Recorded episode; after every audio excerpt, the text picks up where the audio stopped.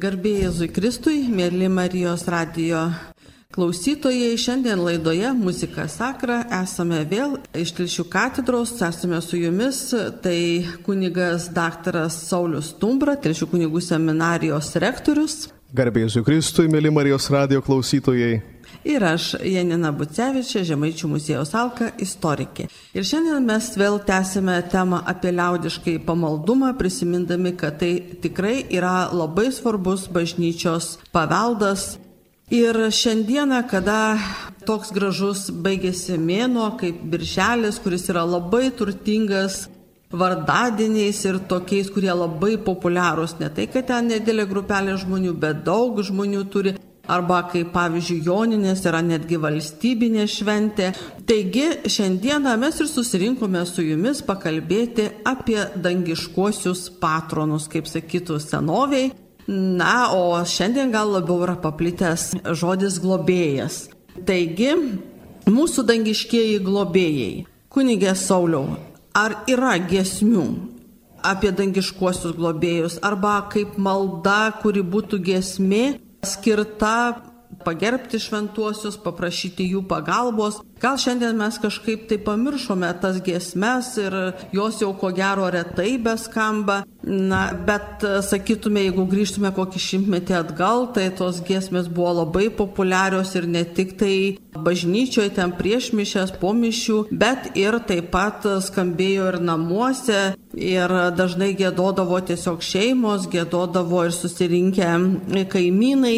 Ir šiandien labai džiugu, kad kartais tos giesmės irgi skamba, ypatingai čia norėčiau pasidžiaugti skola kantarės, būtent Klaipėdos taikos karalienės bažnyčios. Choras dažnai atlieka tas vadinamasias patronų giesmes arba kaip dar yra žinomos kantičkinės giesmės, kadangi Pirmasis, kuris lietuviškai sudėjo šitas giesmes ir užrašė ir išleido knygą pavadintą Kantičkos, yra viskupas Motiejus Valančius. Ir todėl kartais jos šitaip ir vadinamos. Tai kunigė Sauliau, tai noriu ir paklausti, kas tos patronų giesmės ir kodėl mums šiandien jas reikėtų prisiminti, o gal tai jau tik tai istorija? Mes šiandieną atveriame dar vieną auksinį puslapį liaudiškojų pamaldumų sferoje, taip pat galime drąsiai sakyti. Klausimas, ar verta prisiminti, ar tai jau yra istorija, jisai labai vertas pagarbos ir vertas labai aiškaus atsakymo. Bet į kurį būtų galima lygiai taip pat atsakyti klausimu, ar mums nebereikia dangiškų globėjų? Turbūt visi pakrikštytieji galim drąsiai šaukti, mums reikia jų ir ne vieno, bet kuo daugiau, tuo geriau. Globėjų per daug nebūna. Tai kunigė Sauliaus norėtumėt pasakyti, kad ko gero reikėtų prisiminti tą ypač bajoriškąją tradiciją, kai savo vaikams krikšto metu būdavo suteikiama na du, o net kartais trys ir keturi vardai. Taip, bažnyčia yra labai išmintinga šioje srityje kalbėdama, nors ir leidžia šiandien skirti, rinkti vardą nešventojo naujai krikštijamajam suponuodama, kad galbūt tas žmogus audamas tą vardą padarys šventu, bet taip mes savotiškai prarandam tą globėjų liniją. Globėjų, kurių orientavimasis ir mūsų gyvenime gali mums, einant tuo jų pramintų gyvenimo keliu parodyti, kokiomis tomis vertybėmis, dorybėmis tie žmonės spindėjo čia žemėje, kad juos mes šiandien šventaisiais vadinam. Ir čia turbūt nebus pro šalį priminti, kaip tie šventieji palaiminti iš vis atsiranda. Štai kad ir labai paprastas dalykas. Visai nesenai mes išgyvenom palaimintojo ir kivyskupo Matulionio skelbimo palaimintojų iškilmę. Ir drįstu priminti, kad tai yra viešas veiksmas, sprendimas, kuriuo yra suteikiamas leidimas Dievo tarna viešame kulte tam tikroj vietoj ar tam tikroj srity bažnytiniai bendruomeniai laikyti arti Dievo esančių. Ir tuo betifikacijos procesu, aišku, yra siekima nustatyti to Dievo tarno konkretaus Dievo tarno ar Dievo tarnaitės egzistavimo nuo netmenamo laikų, jo didvyriškų darybių ar kankinystės faktą. Ir kai šventasis tėvas patvirtina visą tai, žmogus yra iškilmingai skelbiamas palaimintųjų. Tai tarytum tas pirmasis laiptelis į šventųjų kultą. Ir aišku, šventieji tai yra iškilmingiausias ir galutinis popiežiaus kaip neklystančio bažnyčios mokytojo sprendimas dėl Dievo tarno šventumo žemėje ir jo kankinystės įrodymo. ir jo išaukštimo danguje, įtraukiant jį į šventųjų sąrašą arba kanoną. Kodėl aš visą tai specialiai pacitavau dabar? Tam, kad mes suprastume, kad tie šventieji, kaip sako tie apibrėžimai, jie atėjo iš žmonių tarpo. Ir jų tos herojiškos darybės įrodytos, kaip be būtų keista, bet jos didžiąją dalį liaudžiai buvo labai gerai žinomos. Ir žinomos ne dėl kažko kito, bet žinomos dėl labai turiningų giesmių. Aš neveltui jau pasakiau, kad mes šiandieną žvelgdami į patronus atverčiam auksinį puslapį kantičkos arba liaudiškojo pamaldumo sferoje. Žinot, atsivertus, kad ir dabar mano rankose štai sena kantička. Vartai ir tu matai, kaip gražiai parašyti, pavyzdžiui, prie vieno ar kito šventojo. Patronas tos ir tos sferos. Patronka to ir to. Tai reiškia, šventasis globojantis arba kabutėse atsakingas už tam tikrą žmogaus gyvenimo ar etapą, ar įvykį, ar bėdą, ar kažkokią tai intenciją melžiant turint. Kad ir tai labai iškalbingas šventasis Judas Tadas arba Tadeušas palei tą senąją kalbą. Tik praradusių viltį. Ar ji tai nėra aktualu ir šiandien? Mes šiandien turim daugybę praradusių viltį žmonių.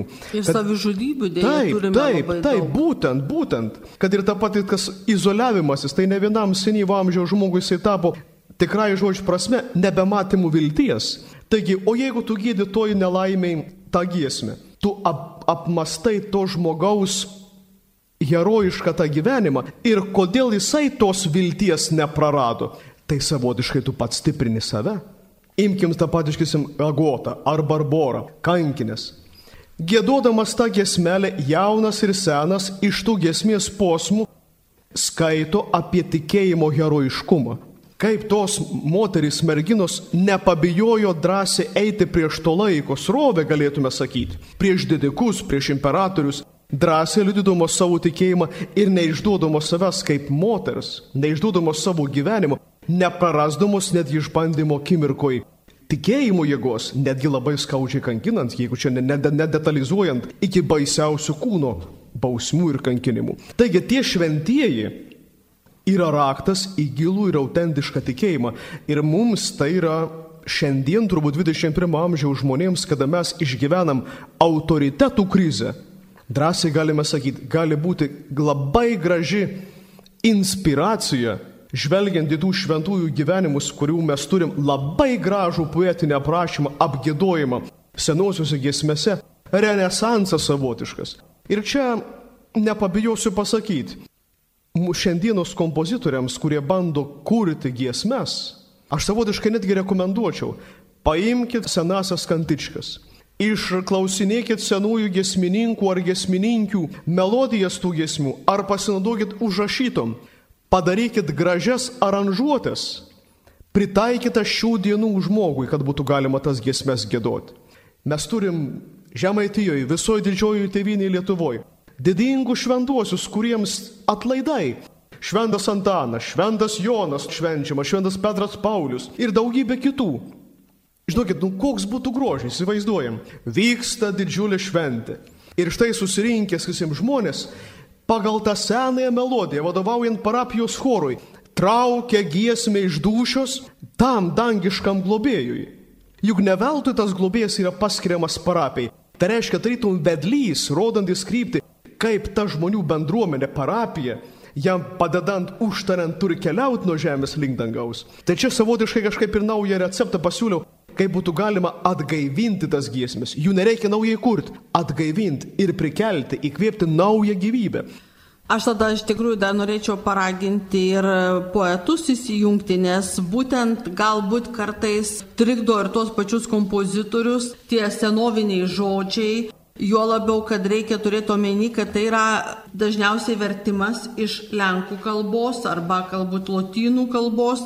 O tai darė būtent vyskupas Motiejus Valančius, kuris, kaip žinome, buvo tikrai labai puikus ir istorikas, ir rašytojas, ir mūsų bažnyčios, ir visuomenės, mūsų Lietuvos ir Žemaitijos veikėjas, tačiau jis nebuvo poetas, kaip tai pabrėžė ir tas pats Adomas Jakštas, ir mm, Juozas Tumas Vaiškantas, bet jisai vis tik tai stengiasi, vertė jas ir reikia pasakyti, kad jis ypatingai vertė tas giesmes, kurios turėjo tokią istorinę prasme. Tai yra ne tik tai, kad ten sentimentalus gėdojimas, bet kaip jūs gražiai kunigai ir sakėt, kad apgėda visą tą gyvenimą, kuris buvo tų šventųjų ir dažnai taip pat nelengvas, jie irgi nebuvo, kaip sakoma, auksiniuose baldakimuose nešiojami. Bet aš kaip istorikė irgi negaliu nepaminėti ir nepasidžiaugti, kad Žemaičių muziejų Alka yra gausus būtent kantičko gausi kolekcija ir taip pat noriu pasidžiaugti, jūs kalbėjote apie šventuosius, kad jie globojo vairias rytis, bet jie globojo ne tik tai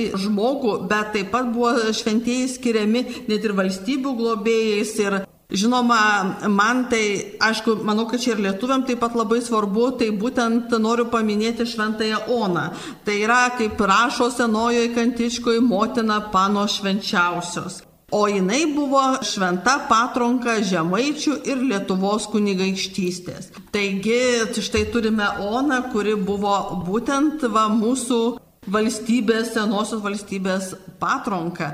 Ką galėtumėte apie ją pasakyti? Žinot, aš tarytum pratęsiu jūsų mintį, jūs tiesiog skaitot mano mintis, mėly Janina.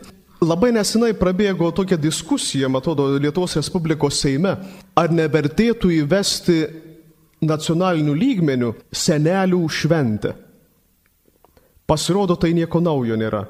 Pasaulyje yra sena tradicija, būtent per šventą Oną ir Joakimą, tai yra apie per Jėzaus senelių šventę, kada juos liturginiam kalendoriuje minime, daug kur Europoje ir ne tik Europoje, tarkim ir Kanadoje, yra švenčiama būtent senelių diena.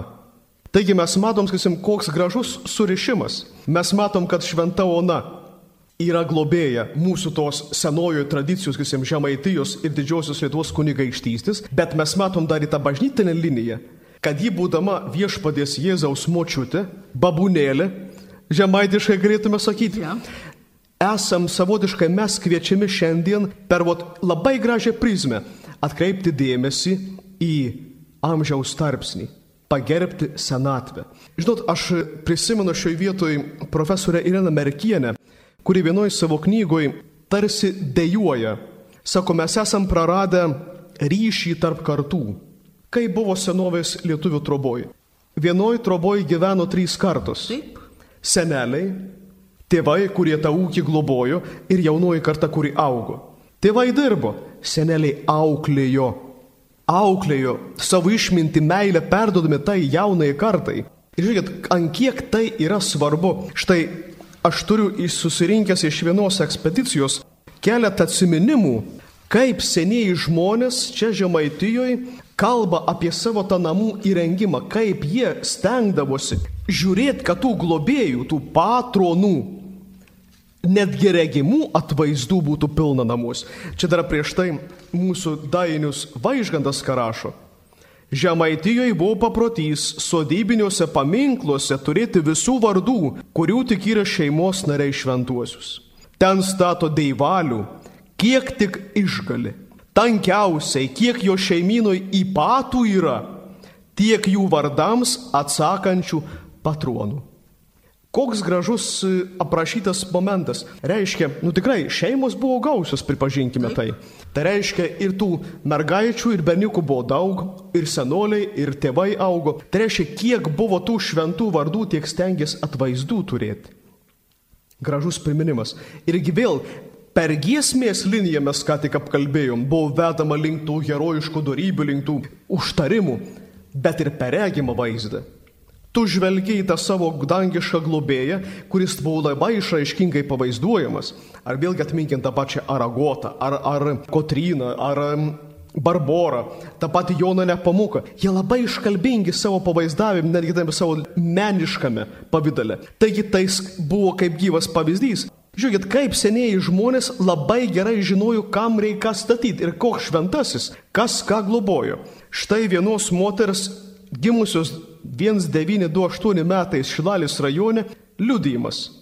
Žiūrėjom specialiai, kad būtų namuos pana Marija, Jėzus. Mama mane buvo pavedus Marijos globai.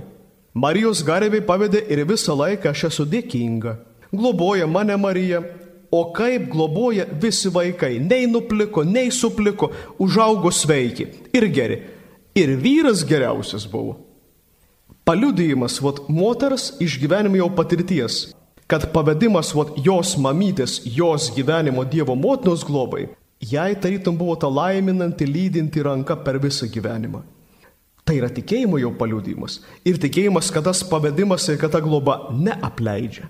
Bet aš manau, po mūsų gražaus kalbėjimo čia labai tiktų išgirsti kokią nors giesmę vienam iš tų dangiškųjų patronų. Nu, o prieš giesmę aš tik tai pabaigsiu, tai gražiai pradėti apie Šventą Oną ir apie tą senelių ir anūkų santyki. Tai aš tik tai iš tos senovinės kantiškinės giesmės noriu pacituoti vieną tokią labai trumpą ištrauką. O Ona visat garbinga ir vaisiumi tu laiminga, užtaryk mus maldomis savo prie Jėzuso anūko tavo, būdama pilna malonės Dievo šelpi visat žmonės, akliems duodama šviesybę, tremdama velnio galybę.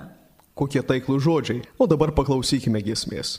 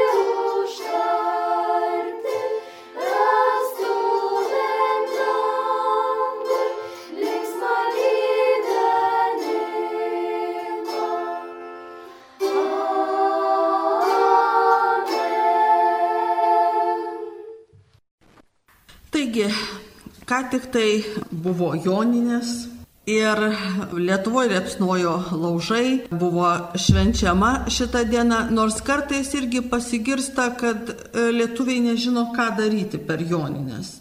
Kadangi, na, liktai mes pat ir esam praradę tą patronų savoką ir labai dažnai nebežinome, kaip švesti. Aišku, gražu ir tie laužai, ir, ir tie pinami vainikai ir taip toliau, Bet vis tik tai, manyčiau, svarbiausia prisiminti ir patį Joną Krikštitoje, nes tai irgi yra ypatingas šventasis, kurio švenčiam ne tik tai mirties, tai yra gimimo dangų į dieną, bet ir jo gimtadienį. Taigi, va štai Jonas irgi, kuo noriu pasidžiaugti, kad Jonas Krikštitojas buvo patronas žemaičių kunigaikštystės. Taigi, o šiandien Jona Krikštitoje turi savo patronų, savo globėjų Kauno arkiviskupija, kuriai priklauso ir Telšių viskupija. Taigi štai reikėtų ko gero prisiminti, kaip būtent va tose kantičkose apgėdamas būtent Jonas Krikštitojas. Nes tai irgi buvo laikas, kai buvo labai plačiai paplitęs šitas vardas. Buvo laikas, kai dabar liktai buvo nebepopuliarus vardas, bet dabar vėl atgimsta. Taigi šventasis Jonas Krikščitojas. Na, visų pirma, nepamiršim, kad tai yra biblinė personalija. Neišgalvota, nemitinė būtybė kažkokia, bet tai yra tikras asmo veikiantis išganimo istorijoje. Ir turbūt tą tokį populiarumą lygiai taip pat gali duoti ir tas, kad mes jį sutinkam gyv, gyvą, dialoguojant su Jėzumi šventam rašte. Ir tas jo vėlgi labai radikalus netgi tuo metu žmonių aplinkoje gyvenimas įlaikysena tikėjimo perspektyvui, jinai turbūt yra labai imponuojanti, nes jisai stoja kaip labai narsus ir drasus, nebijantis klausti, ieškoti atsakymo, jisai netgi ir Jėzaus pareikalauja atsakymo. Ar tu esi tas, kurio mes laukiame? Lygiai taip pat stovėdamas prieš imperatorių galime sakyti, jisai neišsigina tikėjimu, jisai priekaištauja už tą nedorą jų gyvenimo būdą ir reikalauja jo atsakomybės. Juk dėl to ir jo gyvybė žemiška nutrūksta ne kažkokiam karo mūšį, bet dėl to, kad jo priekaištavimas ir jo aiški linija buvo neparanki. Taip. Tuo metu valdytojus, jis ir pareikalavo sugyventinę jo galvos dubenyje. Tai yra kankinys, bet tai yra turbūt graži linija einanti tų, nuo tų pirmųjų kankinių ir rodanti, kad kiekviena kankinystė yra ne už savo puikybę, ne už savo aš, bet, puiky, bet ta kankinystė yra ne už kitą, bet už Jėzų už tiesos žodį. Taigi Jonas šiandien, kuris Kauno arkiviskupijos globėjas, mūsų metropolijos globėjas, dangiškasis. Ir ta, taip, labai populiarus liaudyje ir labai džiugu, kad atgimsta jo vardo nešiojimas. Jisai labai gali būti gražus pavyzdys tam jaunam žmogui, kuris ieško, kaip sakiau, idealo. Ir galbūt nelabai randa to idealo. Taigi, ot, kaip sakai, skaitai giesmelę, gėdi giesmelę ir tu tiesiog gali gerėtis rinktis tų perliukų savo gyvenimui, kaip sekant tuo šventuoju tu gali savo gyvenimą lipdyti. Net kartais galbūt iš šipuliukų vėl surinkti į žmogaus vardo vertą gyvenimą. Bet dar norėčiau tada pasakyti ir tokį įdomų dalyką, kad mes dažnai, aišku, Joną prisimenam kaip Joną Krikštitoje, dar Joną Evangelistą, kurio e, diena yra minima gruodžio 27 dieną, bet šiaip tai reikia pasakyti, jaunų buvo daug. Beveik, jeigu ypač pavartai senąją maldaknygę, tai pama, praktiškai du kartus į mėnesį jo nuo vardą galima švesti. Tačiau aš noriu prisiminti, prisiminti dar vieną tokį Joną, kuris yra vis tik tai dabar užmirštas. O kadaise jo statulėlė stovėjo prie vandens, prie kiekvieno ežeriuko, prie upelio laikas nuo laiko arčiau kaimo. Tai būtent Jonas Nepomukas. Arba kaip va čia, kaip gražiai seno kantičko rašo apie šventą Joną Nepomuką, Mučelniką, patroną ir apgynėjį šlovies. Tai va čia irgi taip labai gražiai, kaip šlovės apginėja, ką tai reiškia. Taip, taip ir šlovės, ir jeigu mes atverstume tą pačią kantičką dar sekančią giesmę, dar neįdė papildytą, patrona kunigų spavietinį, kurie iš kunigų klausančių iš pažinčių. Čia irgi vėlgi, kadangi mes paverčiam konkretaus žmogaus gyvenimo istoriją per tą giesmę, taigi jūs galite labai gerai paliudyti. Šventas Jonas Nepamukas tai yra kankinys už išpažinties paslaptį. Taip. Nes karalius labai norėjo sužinoti karalienės Taip. būtent išpažinti, kadangi jis turėjo lyg ir įtarimų, kad jinai galbūt jam neištikima. Ir um, čia Čekijos karalius Taip. ir Jonas Nepomukas atsisakė išduoti paslapti ir buvo nuskandintas Voltavoje. Taigi, vat, netgi žvilgsnis į konkretų šventąjį, kuris labai populiarus yra giesmė ir liaudiškąją mene Lietuvoje, mes matom vėlgi du dalykus apie asmens orumo iškelimą per konkretų asmenį ir mes matom jau sakramentinio gyvenimo iškelimą. Kunigų klausančių iš pažinčių globėjas. Reiškia atgailos sakramento globėjas, galime sakyti. Reiškia to sakramento iškelimo globėjas. ir gali būti netgi užtarėjas, patarėjas kunigui sėdinčiam klausykloje, kuris tampa Kristaus rankomis žmogui atėjusiam atgailos sakramentu, kuris atneša savo gyvenimą galbūt sudužusi, padėti surinkti ir suklyjuoti. Ir netgi narsos ir drąsos, kaip tam šventajam Jonui nepamokui kunigui, išlikti tvirtu toj tarnystėje. Mes ir šiandien galime girdėti toj pasaulietiniai aplinkoje, kurioje sukamės, kad atsiranda bandymų kelti abejonę, ar iš pažinties paslaptis gali būti ne atskleista, jeigu pareikalauja valstybės institucijos ar kažką tai.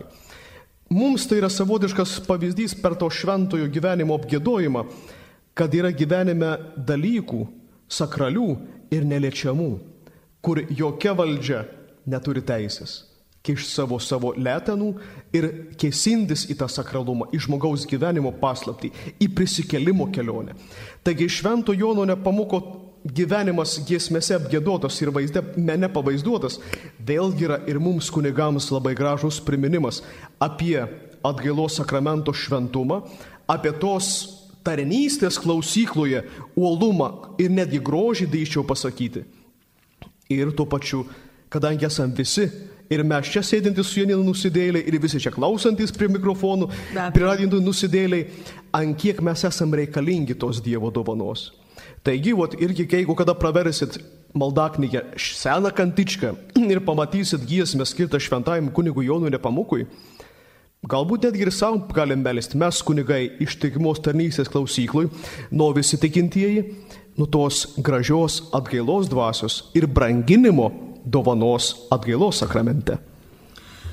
Taip kalbėjom taip pat ir apie tai, kad būtent Jonas Nepamukas buvo nužudytas, buvo paskandintas.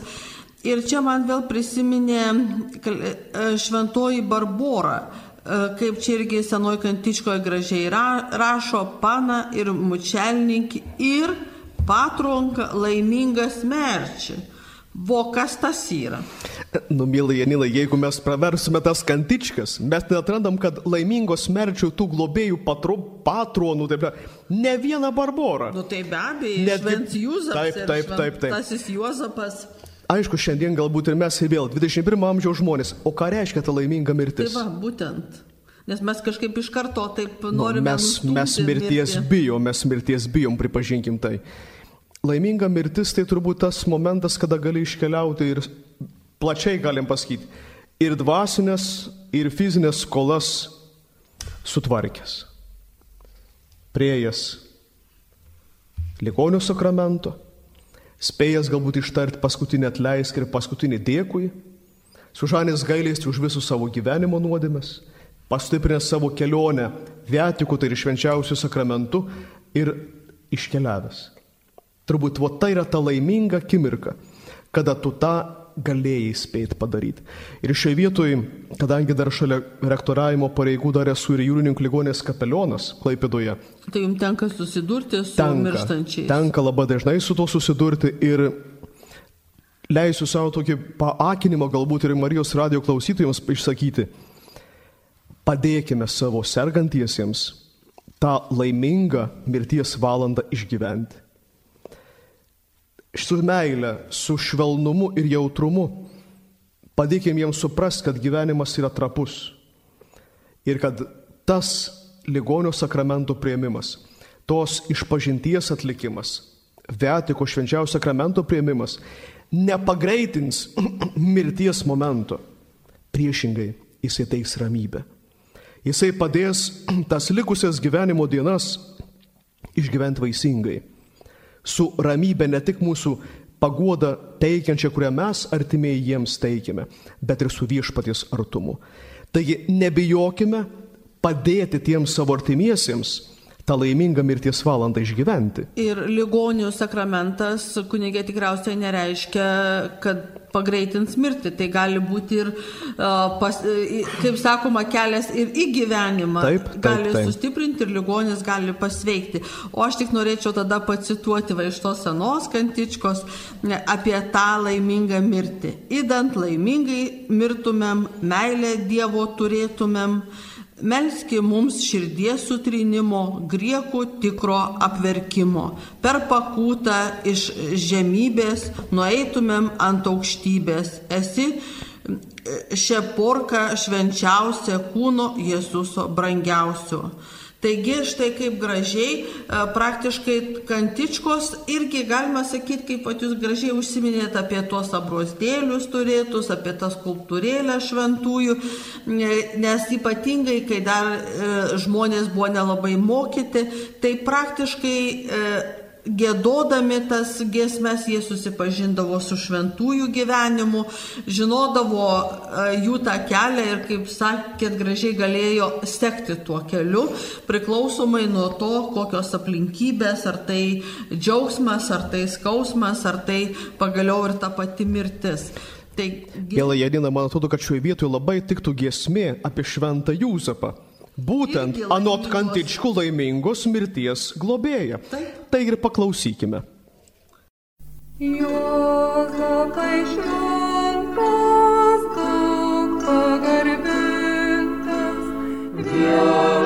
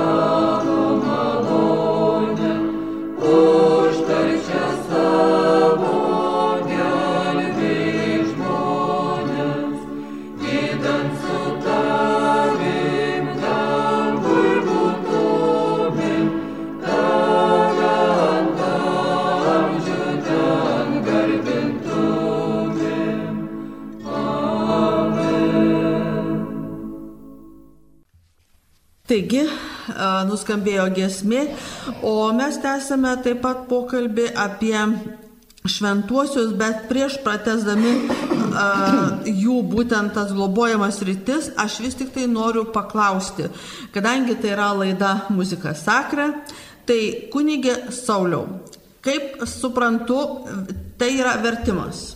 Bet Taip. kaip yra su melodijom? Vat man visada įdomu uh, būtent tos melodijos, kaip yra su to melodijom, ar mes jas perėmėm automatiškai, ar vėl mes vis tik tai uh, savo įlėjom uh, tą muziką, savo sukūrėm, kaip yra su tom gesmėm. Kaip ir esam ne vieną kartą kalbėję, taip, daugelis giesmių, ypatingai tose senosiuose kantičkose, tikrai yra daugelis yra verstų.